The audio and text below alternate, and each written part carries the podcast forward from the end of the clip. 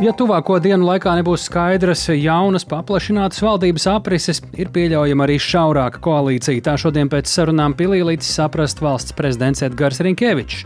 Plašāk par politiķu lemto skaidrosim raidījumā pēcpusdienā. Skolai gatavojas arī Latvijā apmetušās ukraiņu ģimenes. Mācības sāks vairāk nekā 2000 ukraiņu bērnu. Skaidrosim, vai ir apraduši ar mūsu izglītības sistēmu un kā sokas ar latviešu valodas apguvi. Un Latvijas vīriešu basketbola izlasēja šodien brīvdiena Džakartā, kā viņi pavada brīvo laiku un kādi sportistiem nodrošināti sadzīves apstākļi. Arī par to visu plašāk raidījumā pēcpusdienā kopā ar mani Tāli Eipuru.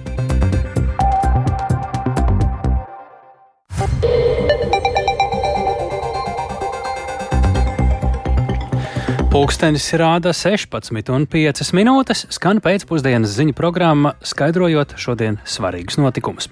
Studijā tālāk Eipurs. Labdien! Jau tuvākās dienas, ja tuvākās dienas vai divu dienu laikā nebūs skaidras vēlamās paplašinātās jaunās valdības aprises, ir pieļaujama arī šaurāka koalīcija. Tā šodien pēc tikšanās ar Eviku Siliņu un Krišjānu Kariņu no jaunās vienotības lika saprast valsts prezidents Edgars Rinkevičs. Nedēļas laikā valdības aprises tā arī nav kļuvušas daudz saprotamākas, jo joprojām nav zināms, vai apvienotais saraksts piedalīsies Siliņas veidotajā valdībā kopā ar Zaļo un Zemnieku savienību un progresīvajiem. Valsts prezidents šodien ir piekodinājuši šo procesu neievilkt.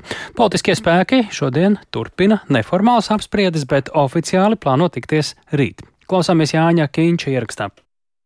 Premjeramata kandidāte Evika Siliņa otrdien aicināja apvienoto sarakstu pievienoties valdībai, kurā strādātu jaunā vienotība, Zaļo un Zemnieku savienība un progresīvie. Apvienoto sarakstu šis piedāvājums neapmierināja, un otrdienas vakarā viņi rosināja citu valdības modeli, ko tā arī publiski nav izklāstījuši. No apvienotā saraksta politiķu izteikumiem gan jaušams, ka runa varētu būt par jaunās vienotības, Zaļo un Zemnieku savienības, apvienotā saraksta un Nacionālās apvienības virknējumu, tātad bez progresīvajiem. Siliņa apvienotā saraksta piedāvājumu ir gatava apspriest, taču atgādina, ka valdības veidošana ir uzticēta viņai. Valsts prezidents man ir uzticējis tātad veidot šo valdību un arī uzņemties atbildību par to, kādu valdību es izveidoju un kādi ir šie potenciālie sadarbības modeļi. Tas nozīmē, ka apvienotam sarakstam ir jāizšķirās, ko viņi darīs tālāk. Siliņa piebilst, ka ZZS un progresīvie ir piekrituši strādāt viņas vadītā valdībā, bet no apvienotā saraksta vēl gaida skaidru atbildi. Apvienotā saraksta pārstāvji jaunās vienotības rosinājumu pievienoties valdībai vērtē nevis kā piedāvājumu, bet ultimātu. To trešdien intervijā Delfa TV uzsvēra arī apvienotā saraksta pārstāvis Andris Kulbergs. Es esmu dzirdējis publiski, kad ir noslēgta vienošanās par darāmiem darbiem, par atbildībām ar progresīviem, cik es saprotu, arī dzen ar ZZS. Tad es gribētu zināt, ko šī vienošanās sevī ietver un vai šīs prioritātes ir mums akceptējamas. Apvienotā saraksta gājienu kā nepieņemamu vērtē demisionējušās valdības vadītājs Krišjāns Kariņš no jaunās vienotības. Viņš arī savu atkāpšanos publiski pamatojas tieši ar apvienotā saraksta rīcībām. Manuprāt, šī jau kļūst par bezatbildīgu rīcību. Apvienotam sarakstam ir jābeidz minstrināties, ir jāizlem, vai viņi gatavi strādāt valsts labad, vai tikai gatavi mācīt citus, bet faktiski savu plecu nepielikt. Savukārt valsts prezidents Edgars Rinkevičs atkārto, ka nav laika ilgstošam politiskajam tirgumam, bet aizvien cer uz iespējamu plašas koalīcijas izveidi ar lakonisku un neizplūdušu veicamo darbu sarakstu.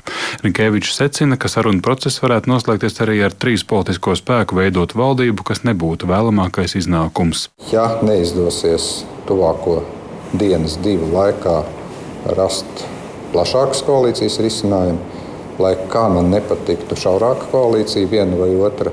Tas arī ir risinājums, jo valsts nevar ilgstoši funkcionēt tādā situācijā, kādā mēs esam vairākas nedēļas. Ekonomisko drošības problēmu risināšanā mums ir nepieciešama rīcības spējīga valdība, lai cik viņai būtu balss, mums ir vajadzīgi konkrēti lēmumi. Es tiešām vēlos redzēt darboties spējīgu jaunu ministru kabinetu līdz septembra vidum. Laiks vēl ir. Sākotnēji trešdien plānotās oficiālās partiju pārstāvju sarunas ir pārceltas uz ceturtdienu. Tajās piedalīsies jaunās vienotības, ZZS, apvienotā sarakstu un progresīvo pārstāvji. Savukārt par Nacionālās apvienības turpmāko lomu valdības veidošanā redzējums atšķiras. Nacionālās apvienības noraidījumu darbam vienā valdībā ar progresīvajiem Ciliņa tulko kā sevis atstatīšanu no sarunām. Savukārt Nacionālās apvienības pārstāvis Jānis Dombra uzsvēris, ka viņi būtu gatavi kompromisa variantiem, taču ne kopā ar progresīvajiem. Jānis Kincis, Latvijas radio. Vairāk atbilžu no valsts prezidenta par valdības veidošanu būs iespējams dzirdēt rīt Latvijas radio viens raidījumā kruspunktā pēc pulkstēn vieniem dienām, bet jau rīt no rīta klausieties arī sarunu ar deputātu Igoru Rajevu no apvienotā sarakstā. Šo sarunu klausieties programmā Labrīt pēc pulkstēn septiņiem. Bet jau parīt Latvijas skolās mācības sāks vairāk nekā 2000 ukraiņu bērnu. Viņi apgūs vispārējās izglītības programmu, un tas ir gandrīz par 300 skolāniem vairāk nekā pirms gada. Tā ziņo Izglītības un zinātnes ministrija. Savukārt vēl 2000 Latvijā mītošu ukraiņu bērnu mācības turpinās attālināti. Tā šodien saimnes atbildīgās komisijas sēdē vēstīja biedrības gribu palīdzēt bēgļiem vadītāja Linda Jēkabsona Gavala. Viņa uzskata, ka šie bērni varētu mācīties Latvijā. Mēs zinām, ka mēs varam viņus uzņemt Latvijas skolās, ka mums ir šī spēja, ka mums ir šīs vietas, mums ir arī šī griba, bet mūsuprāt ir jādod skaidrāks uzstādījums gan no ministrijas, gan arī no citām iesaistītajām pusēm par to, ka Ukraiņu bērni ir gaidīti mūsu skolās. Un mūsuprāt šis uzstādījums ir arī par to, ka Ukraiņu bērniem skola ir vairāk nekā mācības. Tas ir jautājums, kurā neiešu dziļumā, par to esam jau daudz runājuši. Tā Linda Jakobsone Gavala, tikmēr izglītības un zinātnes ministrijas pārstāve Olita Ārkli norāda, ka valsts finansējums Ukraiņu bērniem šajā mācību gadā paliek nemainīgs. Tie ir 257 eiro tiem skolēniem, kuri ir ieradušies šobrīd, un tas ir individuālā plāna nodrošināšanai, plus 50 eiro mācību līdzekļu ieguvēji. Kā jau arī pagājušajā gadā bija pieņemts, 50%, 128 eiro 50 ir paredzēti arī individuālā plāna īstenošanai skolēniem, kuri ir ieradušies iepriekš. Bet es gribētu norādīt, ka papildus ir pedagoģa mērķa dotācija šiem skolēniem, un vēl papildus ir mācību līdzekļiem pieejamais atalgojums. Viena no šādām ukraiņu ģimenēm, kas šobrīd gatavojas zinību dienai un mācību gadam, ir Natālija ar dēlu un meitu. Viņi ar Latvijas izglītības sistēmu jau ir sākuši aprast, bet pēc vasaras pārtraukuma atzīst, ka latviešu valodas mācībām ukraiņu bērniem būtu jābūt intensīvākām. Plašāk par Ukrāņu ģimenes ceļu uz Latviju un gaitām Latvijā, adaptēšanos jaunā sabiedrībā un gatavošanos skolai. Klausāmies Sintīs Ambotas ierakstā. Сначала жили в Мариуполе, дети родились в Мариуполе. Но когда в 2014 году случилась у нас да, война, Донецкая область... Natālija Švedā ar ģimeni ir no Mariupoles, bet jau pēc 2014. gada viņa sapratusi, ka dzīve dzimtajā apgabalā nav droša un pārcēlās uz dzīvi Kijevā, kur pēdējos gados viņa dzīvoja ar vīru, meitu Alisu un dēlu Germanu. Но многие поприезжали как раз с тех территорий сюда же, Киев, что потому что там... Tajā laikā daudzi ukraiņi no austrumu Ukrainas pārcēlās uz Kijivu, jo bija vairāk iespēju atrast atrast darbu un iekārtot bērnus skolās vai bērnu dārzos. Aļise tur sāka iet arī dejās, piedalījās sacensībās un Germans gāja bērnu dārzā. Dēls arī trenējās teikvando. Aļise mācījās ģimnāzijā pie pašas mājas. Proti, mēs labi iedzīvojāmies, parādījās draugi un arī radi tur dzīvoja. Nu, mēs nostiprinājām savas saknes tur. Mums ļoti patika Kīivas pilsēta. Es strādāju tur par pārdevēju, bet tas viss izrādījās ne uz ilgu laiku, jo sākās karš visā Ukrainā. Mēs negaidījām, ka tas būs tādā mērogā. Rīgā Natālija ar abiem bērniem nonāca pērn 28. februārī īsi pēc kara Ukrainā sākuma. Šeit ģimene sagaidīja tēvs, kurš tobrīd bija Latvijā, jo jau septiņus gadus strādā starptautiskā uzņēmumā. Gan viņai, gan abiem bērniem atmiņā stipri iespiedusies haotiskā bēgšana no valsts. А так, когда ты вот резко у тебя... Kad tev pēkšņi zvana un saka, savāciet dokumentus, es jūs tūlīt izvedīšu. Tā man vīra māte teica, kura mūs izveda līdz robežai. Mēs stāvējām rindā 15 stundas. Nē, 13. Mēs tur gulējām uz koferiem. Tas bija murgs. Dēls stāvu smiga ciet, un mums vēl paveicās, jo daļa cilvēku gājēju rindā uz robežas stāvēja diennaktīm. Tur arī sals bija naktī. Tad ar bērniem ņēmām drēbes ārā no koferiem un vilkām pa divām biksēm un jakām. Bija augsti un visu laiku modināja bērnus, lai neaizmieg. Tā mēs tur sildījāmies, lēkājām un skraidījām. Да. А потом мы поехали в отель Elephant. А как на латышском будет слон? Zilonis. Germans šogad ies otrajā klasē un māsā Līsa piektajā klasē. Abi bērni Rīgā mācās vienā skolā, kur ir arī daudz citu ukraiņu bērnu, kas ir liels atbalsts, atzīst paši bērni. Aļisai patīk matemātika un sports, brālim zīmēšana, rokdarbi un arī sports. Bērni vasaru izbaudījuši Latvijā, dodoties ar ģimeni pie dabas, kā arī palēnām sākuši gatavoties skolai, bet mamma saka, ka valodu skolā ukraiņu bērniem jāmāca intensīvāk. Viņa puha čtāli ležāla na divāni. Es lasīju Vinniju pūku un gulēju divānā, bet divānā es pavadīju vairāk laika nekā lasot. Tā pasaka ir dīvaina, kā viņi tur vienkārši staigāja uz apli pa mežu. Jā, kā viņi izvēlējās balonus, zaļu vai zilu, lai paslēptos izliekoties par debesīm vai lapu. Jā, kad es gāju eksāmenu, kad es gāju Jūnijā. Jūnijā. Es latviešu valodas eksāmenu noliku jūnijā un sākās pārtraukums mums. Mēs gan lasījām reklāmu uzrakstus, mēģinājām tos iztūkot, tramvajā uzmanīgi klausāmies paziņojumus un mēģinām tos saprast. Nesēdējām vasarā pie grāmatām, bet šādā formā mēģinājām mācīties. It kā skolā bērniem ir pietiekami daudz stundu latviešu valodā katru dienu, bet īsti nav pietiekami mājas darbu lai Aļisa sēdētu un censtos iekalt vārdus vai valodas likumus. Bet skolotāji ir malači, un arī skola ir draudzīga, un arī klase bērnus labi uzņēmusi. И в класс хорошо принял. Arī vasarā bērni gājuši uz papildu mācībām divas nedēļas, bet Natālija pārliecināta, ka valodu nepieciešams vairāk praktizēt, jo ģimene visticamāk paliks Latvijā.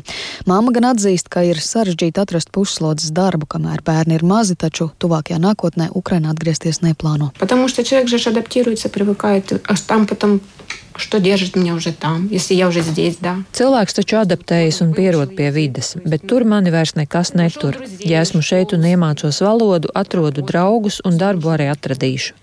Bet Ukrainā tā situācija tik drīz nemainīsies, un tad tu tā domā, ko es tur darīšu, ja mani bērni šeit pieradīs pie skolas sistēmas un jaunās dzīves. Arī vīrs šeit strādā, un visi esam kopā. Опять будет вот так вот догоняться, тут вроде как все рядом. Savukārt, runājot par iespējām nodrošināt mācību līdzekļus skolai un sagatavot bērnus mācībām, Natālija saka, ka atbalsts ir pietiekams. Sinti Ambote, Latvijas radio. Bet Reizeknē septembris nāk ar nepatīkamām ziņām, kāda bērnu dārza bērnu vecākiem uh, tur uh, lūk šādi fakti. Nepiemērotas telpas, bez toaletes, bērnus sūta no vienas iestādes uz citu. Tas ir galvenās bērnu vecāku sūdzības par Reizeknes bērnu dārza rotaļa. Fakts, ka jau vairāk nekā gadu 120 šīs iestādes bērni ir pārvietoti uz citiem bērnu dārziem pilsētā, ir saistīts ar viņu īstās mājvietas atjaunošanu. Vecāki domājuši, ka nērtības ātri pāries un bērni septembrī varēs atgriezties bērnu dārzā. Tomēr realitātē iesaldētais Eiropas Savienības finansējums un ministrijas liegums Rēzeknes pašvaldībai aizņemties būvdarbus līdzis apturēt. Klausāmies Latgales studijas korespondentes Lauras Ieviņas ierakstā. Jau vairāk nekā gadu Reizeknas pirmskolas izglītības iestādes rotaļa 120 bērni ir izvietoti citās pirmskolas iestādēs pilsētā. Tobrīd tas bija plānots kā īslaicīgs risinājums uz ēkas renovācijas laiku. Situācija ir sāsinājusies, jo nu pat pašvaldība finansējuma trūkuma dēļ ir apturējusi uzsāktos būvdarbus. Galvenā problēma, jā, ka turpu šurpu bērniņu mētā, jā, diemžēl no vienas grupiņas uz otro grupiņu, uz vien, no viena dārziņa uz otro dārziņu. Un, līdz ar to tas sagādā stresu bērnam. Jūlija Zeltiņa ir četrgadīga zēna mamma. Mēs izvēlējāmies tieši rotaļu gan lokācijas ziņā, gan skolotājas ziņā. Tagad sanāk, ka nu, jau visos dārziņos bez maz vai pabijai. Sieviete ir viena no iniciatoriem vecāku vēstulē pašvaldībai un vides aizsardzības un reģionālās attīstības ministram, kurā izklāstītas vecāku raizes par sekām, ko rada renovācijas darbu apturēšana. Viena no problēmām bija tieši Vinija Pūka. Grupiņa pati par sevi iekārtota ļoti omulīgi. Neskatoties uz to, ka tā ir zāle, nav īsti grupiņa. Bet problēma bija tā, ka nu, nebija tādas lietas kā toalete. Jā, sanitāras telpas tur nebija un elementāri nomazgāt rociņas pēc ārā iešanas. Tur vajadzēja visu pēc grafika darīt, iet blakus grupiņā un to darīt. Šobrīd finansējuma izmaksas par kopējo summu 3 miljoni eiro Centrālā finanšu un līgumu aģentūra ir apturējusi piecos pašvaldības projektos. Tajos būvnieks ir Siela Galija. Iemesls tam ir izmeklēšana par iespējamo pašvaldības vadītāja Aleksandra Bartaševiča un Siela Galija interešu konfliktu, jo uzņēmuma īpašnieki ir pilsētas mēra sieva un brālis. Neskatoties uz apturētajiem maksājumiem, pašvaldība būvniecības darbus pirmskolas izglītības iestādē tomēr sāka, cerot, ka lēmums par interešu konflikta neesamību drīz tiks pieņemts, jo Latvijas normatīvie akti nesot pārkāpti. Būvniecības kompānija šo daļu, apmēram 300 tūkstošu apmērā, ir veikusi bez rēķinu izrakstīšanas un faktiski uz sava rēķina. Tikai apmēram 70 tūkstoši ir sekti kā pirmā izpilde. Esošo situāciju raksturo pilsētvides un attīstības pārvaldes vadītājs Georgijs Orlovs. Ir veikti komunikāciju demontāžas darbi, fasāžu siltināšanas darbi nav pabeigti līdz galam. Uz doto brīdi situācija tiešām ir kritiska, jo būvdarbi ir apturēti, joprojām nav saņemts mums pienākošais finansējums. Faktiski runa iet par simtprocentīgu pašvaldības finansējumu nepieciešamību šī projekta realizācijai, kas pie esošiem apstākļiem nav iespējams. Arī aizņēmumu šī projekta realizācijai Finanšu ministrija pašvaldībai atteikusi uz doto brīdi bērni bērnu dārzā atgriezties nevar. Tikai tāpēc, ka ir šķietamais interešu konflikts, par kuru tiek lemts jau divi gadi.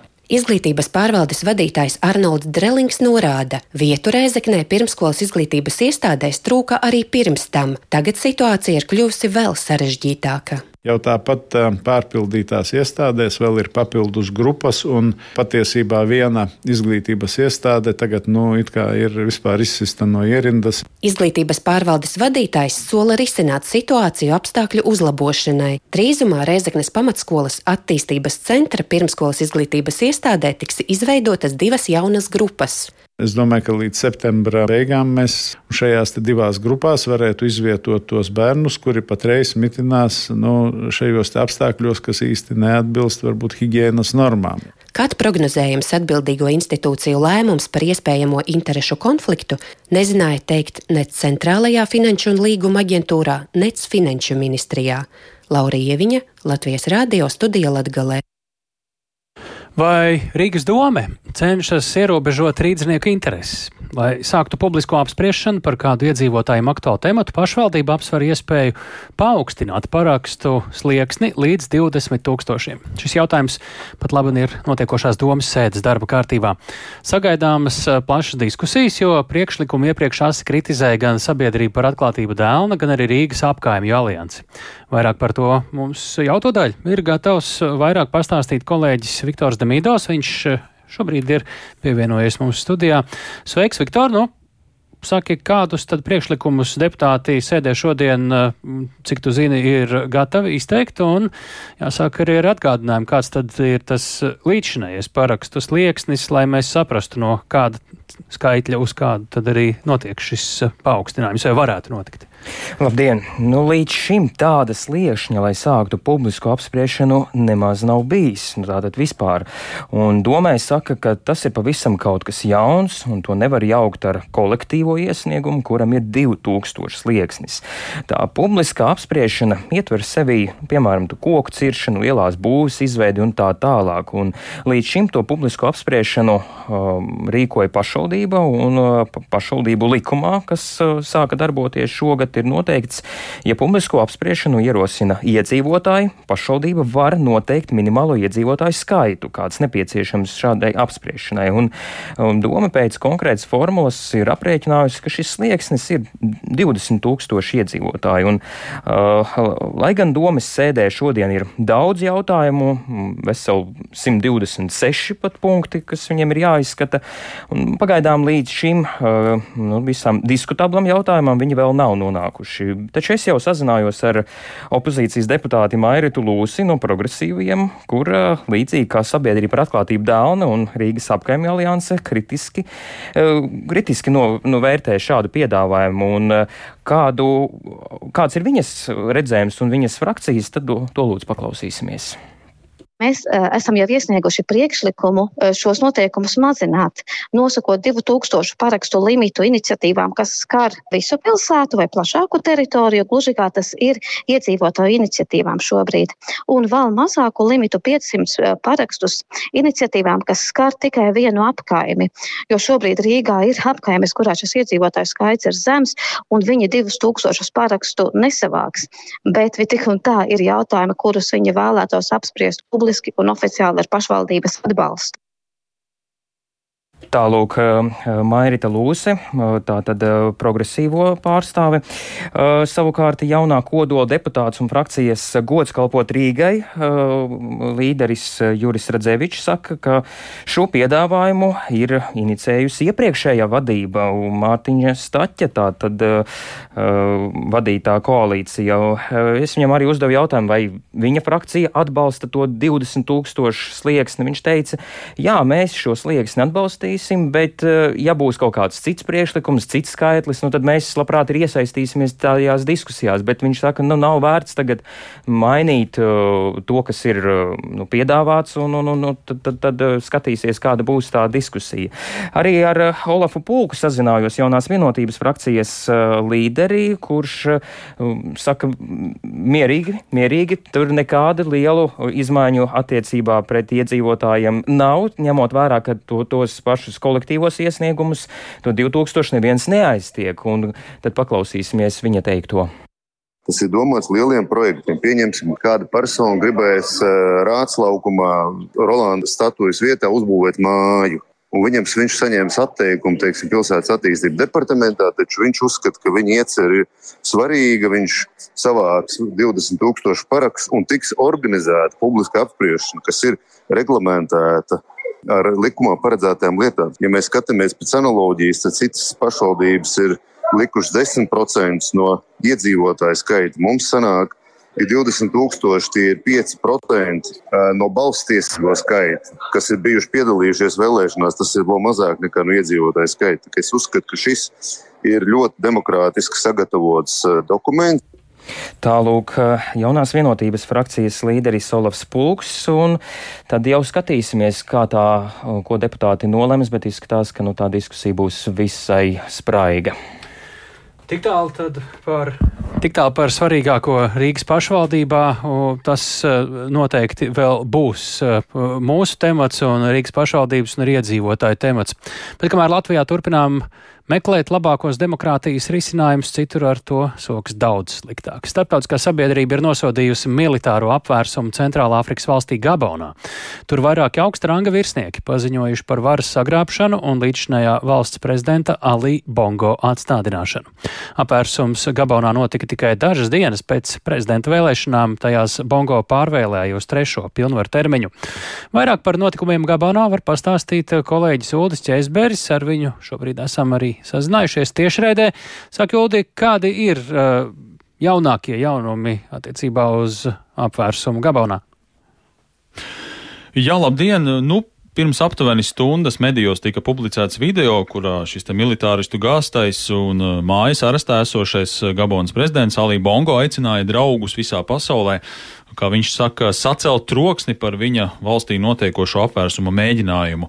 Un atgādināšu, ka nu, šonakt Sauīņa virsnieku televīzijas tiešraidē paziņoja, ka viņi ir atcēluši no amata prezidentu Bongo un viņa e, valdību. Un pučisti arī paziņoja, ka Bongo atrodas mājas arestā, bet e, pārējie valdības locekļi ir arestēti saistībā ar dažādām apsūdzībām, tostarp arī par valsts nodevību.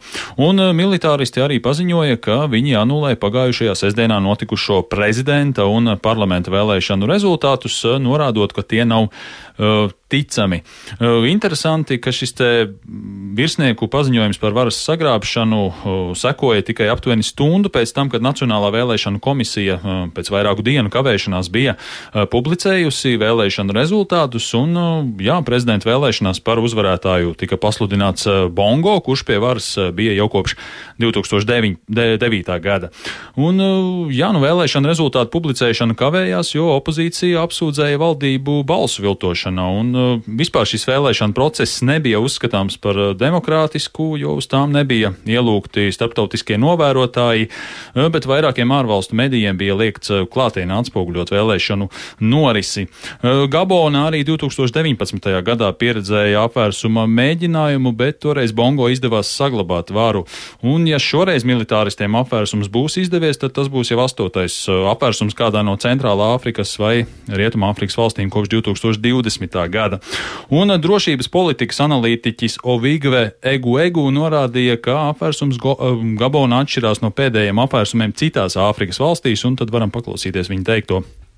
Gabon is very different from what we are seeing in other parts of West Africa because while that is more about security. Apvērsums Gabonā ļoti atšķiras no iepriekš pieredzētā Rietumāfrikas valstīs. Ja tur apvērsumu iemesls bija drošības situācijas pasliktināšanās un sliktā pārvaldība, tad Gabonā tas ir specifiski saistīts ar vēlēšanu procesu, jo mēs redzam, ka atkārtojas stāsts par vēlēšanu viltošanu un armijas iesaistīšanos. Cilvēki ielās svin apvērsumu. Pučisti runā par pārējais periodu un institūciju darbības atjaunošanu un tas atkal ir saistīts ar vēlēšanu procesu, jo institūcijas, piemēram, Senāts, cer, ka pārējais periodā notiks izmaiņas konstitūcijā, kas nostiprinās valsts institūcijas.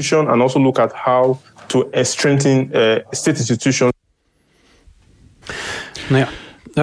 Es saprotu, Uld, ka te arī jās, jānoskaidro, ir, kā uz notikumiem Gabonā, protams, ka ir reaģējusi starptautiskā sabiedrība, kurš ir kura pusē un tam līdzīgi.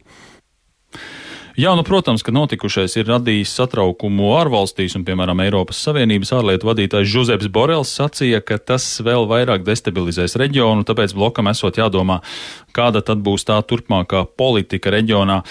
Gabona ir bijusi Francijas kolonija, tāpēc, nu, Parīzē ļoti rūpīgi seko līdz notikumiem šajā valstī, un, piemēram, Francijas valdības pārstāvs Olivier Verāns paziņoja, ka un Francija nosoda apvērsuma mēģinājumu un aicināja respektēt Gabonas prezidenta vēlēšanu rezultātus.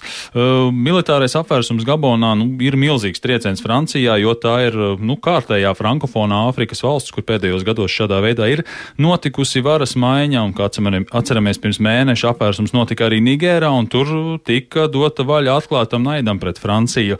Un Gabonas galvaspilsētā Librevillā atrodas divas Francijas militārās bāzes, kurās ir dislocēti aptu, aptuveni 700 karavīri, un pagaidām nav skaidrs, kas ar šīm bāzēm varētu notikt, un nav arī zināms, vai Francijas un citu rietumvalstu enerģētikas uzņēmumi uh, var, varēs turpināt darbu Gabonā, kas ir viena no lielākajām naftas ieguvēja valstīm Āfrikā. Bet, nu, noteikti tuvākajās dienās sekosim, kas tad notiek, uh, kas tad notiks arī turpmāk Gabonā. Paldies, sakām Uldim par šo.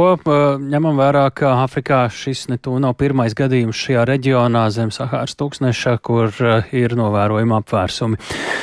Bet, lai arī viesuļvētra Idalija ASV Floridas piekrastē šodien bija pastiprinājusies līdz pat ļoti bīstamajai ceturtajai kategorijai, vēja brāzmām pietuvojoties 60 metriem sekundē, šobrīd pašas jaunākās ziņas liecina, ka pēc Floridas piekrastes sasniegšanas eh, vētras spēks pazemināts uz trešo kategoriju, pavisam nedaudz palēninoties arī vēja ātrumam par dažiem metriem sekundē. Šāds vējš spēja uh, ielas pārvērst upēs, pārot elektroapgādi un 300 km garā piekrastē izraisa izraisīt arī ūdens līmeņa celšanos pat par 3 līdz 5 metriem un radīt daudz citu postījumu. Un vietējās amatpersonas brīdina, ka šāda stipruma viesuļvētra var būt katastrofāla un bīstama cilvēka dzīvībai, un daudz ko tādu varētu pieredzēt pirmo reizi mūžā. Cilvēki iepriekš tika ļoti nopietni aicināti pamest bīstamo reģionu, jo tika prognozēts, ka spēcīgākais vējš Floridas piekrastu varētu sasniegt tieši šo stundu laikā, un pēc tam uh, varbūt apvidi, kuri nav apdzīvojami uh, vairākas nedēļas vai pat mēnešus mēnešus. Pie mūsu klausulas mums eh, šobrīd eh, sakām lielu paldies, ka ir atradusi izdevību pievienoties eh, Agnes Feldmane no Floridas. Labdien! Labdien! Vai labrīt! Tā jāsaka, Floridā joprojām.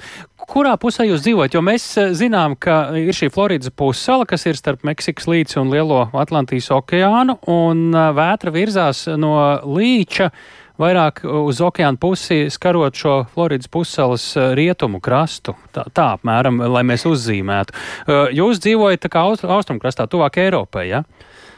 Es esmu austrumkrastā un vairāk uz dienvidiem, bet, protams, sekoju līdzi, un, un mēs šajā reizē esam, kā saka, pasargāti. Bet, bet otrs krasts jā, ir, ir diezgan jau šobrīd jau, jau diezgan smagā situācijā. Mm -hmm. un, un, un, Jā, respektīvi, jūs šobrīd esat nedaudz nostāk no tā potenciāli, vai jau šobrīd vissmagāk skartā reģiona. Kā ir jūsu pusē, tie laikapstākļi ir tālu no tā visbīstamākā, vai arī ir diezgan bīstami? Nā, mums šobrīd ir saulaina diena un ir mazliet vējains. Mēs, mēs šajā reizē tiešām nemaz neizjutām neko, jo, jo tas viss aizgāja vairāk uz ziemeļiem, uz Floridas ziemeļiem un uz vietām, kur agrāk Uh, vētras tādas pat nav bijušas. Tā kā šoreiz tas ir tāda unikāla, unikāla situācija. Un, Nu jā, bet un, informatīvajā un, telpā visticamāk arī jums ir vētra, vētra, vētra. Ko jūs novērojat? Kas tad ir tas, kā cilvēkus aicina parūpēties par savu drošību, un ko jūs varbūt redzat, nezinu, cilvēki arī mūk uz jūsu pusi no vētras reģiona, varbūt, var arī citi vērojumi? Uh, no šajā gadījumā, kad mums tojas viesuļvētra, kas ir labi, mēs tiekam ļoti labi brīdināti. Un, un cilvēkiem ir laiks sagatavoties. Protams, ir tādi cilvēki, kas daudz dara arī pēdējā brīdī, bet, bet ir iespēja sagatavoties. Un šeit dzīvojot jau desmit gadus, uh, kā saka, mēs esam gatavi šajā hurikāna sezonā vienmēr. Un, uh, Bet, bet dzirdot par otru krastu, jā, šobrīd ir liela ūdens, ūdens no, no okeāna nāk pilsētas ielās, un, un, un dažās vietās tas pat jau ir deviņu pēdu augstumā bijis. Un, un ielas ir daudz, kur kā tāmpa, kas ir otrā krastā, ir ielas ir zem ūdens. Un, un vairāk ir potenciāli tas tas, tas postījums tieši no Jā, ūdens. Un, ja es pareizi tulkoju, tad eh, to krastu retāk skaļtās, eh, skartās viesuļvētras, līdz ar to tā situācija tur ir uh, bīstamāka kaut kādā ziņā. Es pareizi sapratu? Tie, tieši tas, jā, tieši tas, kas parasti visus gadus, es esmu šeit piedzīvojis trīs vai četras vētras, vienmēr skāra mūsu krastu un pēdējos divus, trīs gadus Dīvainā kārtā tas iet uz otru krastu, un, un šīs vētras ir ļoti, ļoti spēcīgas. Trešā kategorija, pat šī gandrīz līdz ceturtajai kategorijai. Un vietās kā Talakāsī, kas, kas ir vispār Floridas uh, ziemeļu pusē un, un, un Floridas vidū, uh, Nekad gandrīz šajā mūsdienu gadsimtā nav bijušas šādas vētras, un tur cilvēki varbūt ir nav sagatavojušies, varbūt netic tam, ka būs tik nopietni, līdz ar to varbūt ir tā, tā panika lielāka. Tad tas, tā laikam, tālāk. ir tas, kāpēc amatpersonas saka, ka tieši šajā reģionā, kur vētras skar Floridas rietumu krastu, varētu būt daudziem iedzīvotājiem pirmo reizi kaut kas tāds reāli klātienē pieredzēts. Tie, tie, tie, tieši, jā, tieši tā. Liels, liels paldies, ka pievienojāties mums tiešraidē, to mēs sakām Floridā esošajai Agnesē Feldmanai, jo tur šobrīd uh, jāstopas ar viesuļvētru Itālija, kura sākotnēji bija pat ceturtās kategorijas viesuļvētra, tagad trešās kategorijas vēja ātrums ap 55 metriem sekundē. Sekosim līdzi. Atgriežoties Latvijā, latviešu aviokonstruktora Kārļa Irbīša 1937. gadā konstruētās lidmašīnas I-12 repliku šodien atklāja lidostā Rīga.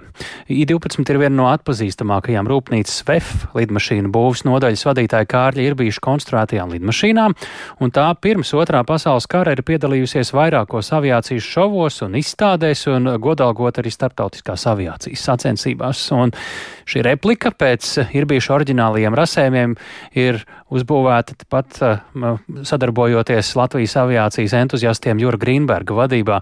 Un šobrīd esam sazinājušies ar lidostas Rīga pārstāvi Ilzi Sāunu. Labdien! Labdien! Kāpēc šāds manevrs ar uh, Kārļa Irbīša modeļa repliku lidostā Rīga? Jā, es gribētu teikt, ka šī tiešām ir vēsturiska diena, kad uh, slavenā mūsu leģendārā uh, avio konstruktora ir bijuši lidmašīna 12, ir atgriezusies vai nonākusi, pareizāk sakot, lidostas Rīgas pasažieru reģistrācijas zālē un ir visiem apskatāma. Uh, nu, lieta tā, ka kara, karu un, un, un dažādu citu vēsturisku satricinājumu dēļ līdz mūsdienām nav saglabājusies neviena no Kārļa ir bijuši radītajām lidmašīnām. Ir tikai atsevišķas detaļas. Un, tāpēc, tad, kad Latvijas Nacionālajā vēstures muzejā tika saglabājušies, atrasti šie ir bijuši oriģinālie rasējumi, Tad 2000. gadu sākumā aviācijas entuziasti patiešām ķērās pie darba un uzbūvēja šo I-12, kas, kā jūs pareizi teicāt, patiešām ir viena no slavenākajām ir bijušas konstruētajām lidmašīnām. Un mums ir liels gods un prieks, ka tā tagad būs aplūkojama arī lidostā Rīga un veidos iespējams sākumu tādai nelielai, kompaktai Latvijas aviācijas vēstures uh, ekspozīcijai vai izstādēji pie mums. Nu, ja reiz tā ir replika, tas ko nozīmē? Viens pret viens izmērā, izskatā ar visu motoru, kas ko tieši ir? tā. Tieši tā, šī, kā jau teicu, tad lidmašīna ir uzbūvēta pēc oriģinālajiem rasējumiem. Tā ir Cirrus Minor 990 zirgspēku uh, motors, un uh, šī lidmašīna ir arī atzīta par lidot spējīgu. Tā ir veikusi nepieciešamo aplidojumu 2010. gadā, kas pierāda, ka lidmašīna ir lidot spējīga. Tā ir piešķirts arī borta numurs. Mm, un, uh, lai gan tā ir domāta un domāta kā muzeja eksponāts, bet tā tad arī, ja nepieciešams, varētu pacelties gaisā. Un jā, motors jā. ir darba kārtībā. Kur uh, lidostā šī lidmašīna atradīsies? Vai tas būs, nu tā teikt, kamēr uh, vien uh, tur būs teikšana esošajai varai, vai arī tā ir uh, uz laiku izlikta? Nu, es iztēlojos, ka tā varētu būt, piemēram, pakarināta gaisā, nu kā jau lidojošs šit kā objekts. Nu, ja lidmašīna būtu pakarināta gaisā, mēs redzētu tikai tās apakšpusi un riteņus. Uh, lidmašīna atrodas reģistrācijas zāles tālākajā galā. Un ik viens uh, pasažieris, kas ierodas uz lidojumu, un ik viens pavadītājs, kas pavada savu pasažieru uz lidojumu, var to aplūkot. Tā ir brīvi pieejama un atradīsies, uh, atradīsies šajā vietā pastāvīgi. Lielas paldies par sarunu. Pārējo jau tad jāskatās uh, savām acīm. Paldies Lidos Rīgas pārstāvēja Ilzai Salnai. Bet Latvijas vīriešu basketbola izlasēja šodien pirmā un ļoti iespējams arī pēdējā brīvdiena Džakartā. Vakar Latvija grupu turnīrā pēdējā spēlē zaudēja Kanādai, bet līdz nākamajam mačam ir divu dienu pauze, tāpēc treneri nolēmuši šodien dot spēlētājiem nelielu atpūtu. Un arī mēs šoreiz nerunāsim par notikumiem laukumā, bet gan Nu, ar kolēģi Māru Bergu starpniecību nedaudz beidzot ieskatīsimies, vai drīzāk nu, ieklausīsimies, kā jau radio, tajā, kā Latvija un arī pārējās komandas dzīvo pasaules kausa fināla turnīra laikā. Sveiks, Māri! Sveiks, tālāk, sveicināt klausītāji. Nu, kur tad izlase mums ir apmetusies, un vai var teikt, ka visām komandām ir faktiski vienādi apstākļi, un vai ar tiem varbūt arī apmierināti dalībnieki? Jā, no Latvijas izlasē tāpat kā Vitoļas šeit spēlējošās komandas eh, dzīvo vienā viesnīcā, to ir izvēlējušies turnīra rīkotāji kopā ar FIBA pārstāvjiem, tādējādi arī garantējot zināmus kvalitātes rādītājus, lai sportistiem un apkalpojošiem personālam bū, viss būtu nodrošināts un tiktu nodrošināts arī higienas prasības. Tā ir piedzvaigžņu viesnīca un katrai komandai ir atvēlēts vesels stāvs. Spēlētāji istabiņās dzīvo pa vienam, taču visām komandām ir kopīga ēdamzāle, līdz ar to basketbolisti nu, vismaz tur kaut kādā veidā veidā savā starpā arī tiekās. Kopumā ar apstākļiem Latvijas izlase ir ļoti apmierināta, un komandas pārstāvi norāda, ka tie ir labāki nekā, piemēram, pārbaudas turnīrā Taivānā. Viesnīcā tiešām ir viss nepieciešamais, ir medicīnas telpas, cits vajadzīgais inventārs, pietiek arī plašuma. Līdz ar to kopumā viss ir ļoti labi, negluži ideāli, bet ļoti labi. Tāli. Jā, jāņem vērā, ka basketbolisti parasti nav daudz īsāki par 1,90 m. Azijā gultas izmēri arī varētu būt no svara, bet kā ir rēdināšana vai spēlētājiem šeit nav sarežģīti? Sarežģījumi, jo nu, tādās tālu kultūras zemēs eh, asi ēdieni citu iemeslu dēļ eh, mēdz būt dažādi pārpratumi, ir bijuši turklāt arī Latvijas izlasēm lielajos čempionātos. Jā, un ēdināšanu šajā reizē nodrošina viesnīca, un pagaidām tieši par dažādām vēdera problēmām ne spēlētāji, ne treneri nav sūdzējušies. Protams, kā jau tu saki, dodoties uz tālākām zemēm, var gadīties zināmas problēmas. Zināms, ka pāris spēlētājiem ir bijušas kādas problēmas Taivānā, bet šeit Indonēzijā uzturoties jau nedēļu, viss ir bijis kārtībā. Par problēmu iespējamību gan bija zināmas bāžas, ņemot vērā ūdens kvalitāti Džakartā, kā arī citas lietas, bet pagaidām no šī visa ir izdevies izvairīties. Par ēdināšanu un arī to, kā norit braukšana uz spēlēm, pastāsta Latvijas vīriešu izlases koordinators Emīls Toms, un viņu klausāmies turpinājumā. Tām grafikam pielāgojies, tev pat nav īpaši jāpiesaka kaut kas speciāls. Tu vienmēr tādā viņi jau ir izplānojuši saka, tas spēļu laikus un aptuveni, kādu komandas varētu gribēt ēst. Tas viss ir pielāgots un tā ziņā viņi tiešām ir domājuši par komandu un spēlētāju to pieredzi, lai šeit viesnīcā būtu ļoti laba. Šeit tā ēdienkarte ir pietiekami liela. Mums uz katru reizi ir cits ēdiens. Protams, ka kaut kādā brīdī jau kaut kas atkārtojās, bet nu, vēl neesam noguruši no tā ēdiena. Jo Taivānā bija, kad bijām uz pārbaudas turnīru, bija mazliet specifiskāks tas ēdiens tieši viņu virtuvē, un tad bija mazliet grūtāk pierast šeit, jo vairāk ir tāds sportistu ēdiens, un viņi par to rēķinājušies. Ir pieejami rīsi, kartupeļi, makaroni, trīs veidu gaļas, zivs, vistu, lielops. Uz treniņiem braucam vienu motociklu pavadībā, policijas, tad uz spēlēm braucam kādus sešus motociklus, un tad tie seši diezgan ātri tur uh, visus organizē. Bet nē, neesam. Es saku, desmit minūtes ir bijis ilgākais, cik mēs vispār esam pavadījuši autobusā. Un ļoti bieži izvēlamies iet ar kājām. Tāpat pāri ielai pa taisnu pāriet, un tas 6 minūtes kājām līdz zālē. Jā, Māri, mums vēl kāda minūte laika. Kā ar kādām izklaides un atpūšanās iespējām mūsu spēlētājiem? Un vēl arī pastāsti, tu šodien saņēmi tādu uh, nepatīkamu brīdinājumu telefonā, kas skar visus, arī tevi, ne tikai spēlētājus. Jā, nu spēlētājiem kopumā ir diezgan garlaicīgs un profesionāls režīms, treniņi, atjaunošanās, spēles, atjaunošanās un tā tālāk, bet uh, ir iespējas uzspēlēt kārtas, galda tenisu un uh, vienkārši atpūsties savā numuriņā, jo, kā jau es teicu, spēlētāji dzīvo pa vienam. Jā, kas attiecas šo brīdinājumu, tad uh, Džakartā ir uh, slikta gaisa kvalitāte, tas nevienam nav noslēpums. Pilsētā visu šo laiku ir bijis smogs, bet uh, šodien gaisa kvalitāte esot tiešām draņķīga, ļoti slikta. Un, atbildīgie dienesti tad arī informēja, ka cilvēkiem šajā laikā ir ieteicams uzturēties iekštelpās, un īpaši tas attiecas uz ļaudīm ar jūtīgāku elpošanas sistēmu. Nu, gaisa kvalitāte tieši šodien Džakartā ir sliktākā vairāku nedēļu laikā, tā vismaz ziņo atbildīgie dienesti. Tā, Respektīvi, ja tu mums ziņotu no ārtelpas, tad iespējams būtu dažreiz jānoklepojas tā, vienā vārdā. Zini, jā. kā es ļoti cenšos, es zinu, es tev teikšu, es ļoti cenšos, lai neklepotu tiešo ēteru laikā, un jau tas, tas tā ir vairākas dienas, bet, nu, pēc ētera izklapoties. Paldies! Jā, Paldies, nu. Paldies, sakām Mārim Bergam no Džakartas tiešraidē. Tur šodien uh, iedod brīvdienu Latvijas basketbolistiem, bet jau rīt jāsāk gatavoties nākamajai spēlē. Tā būs pret Brazīliju. Šī bija Programma pēcpusdienā to veidoja Tāls Eipurs, Ilza Aginta, Krišjāns Stikāns, Katrīna Bramberga.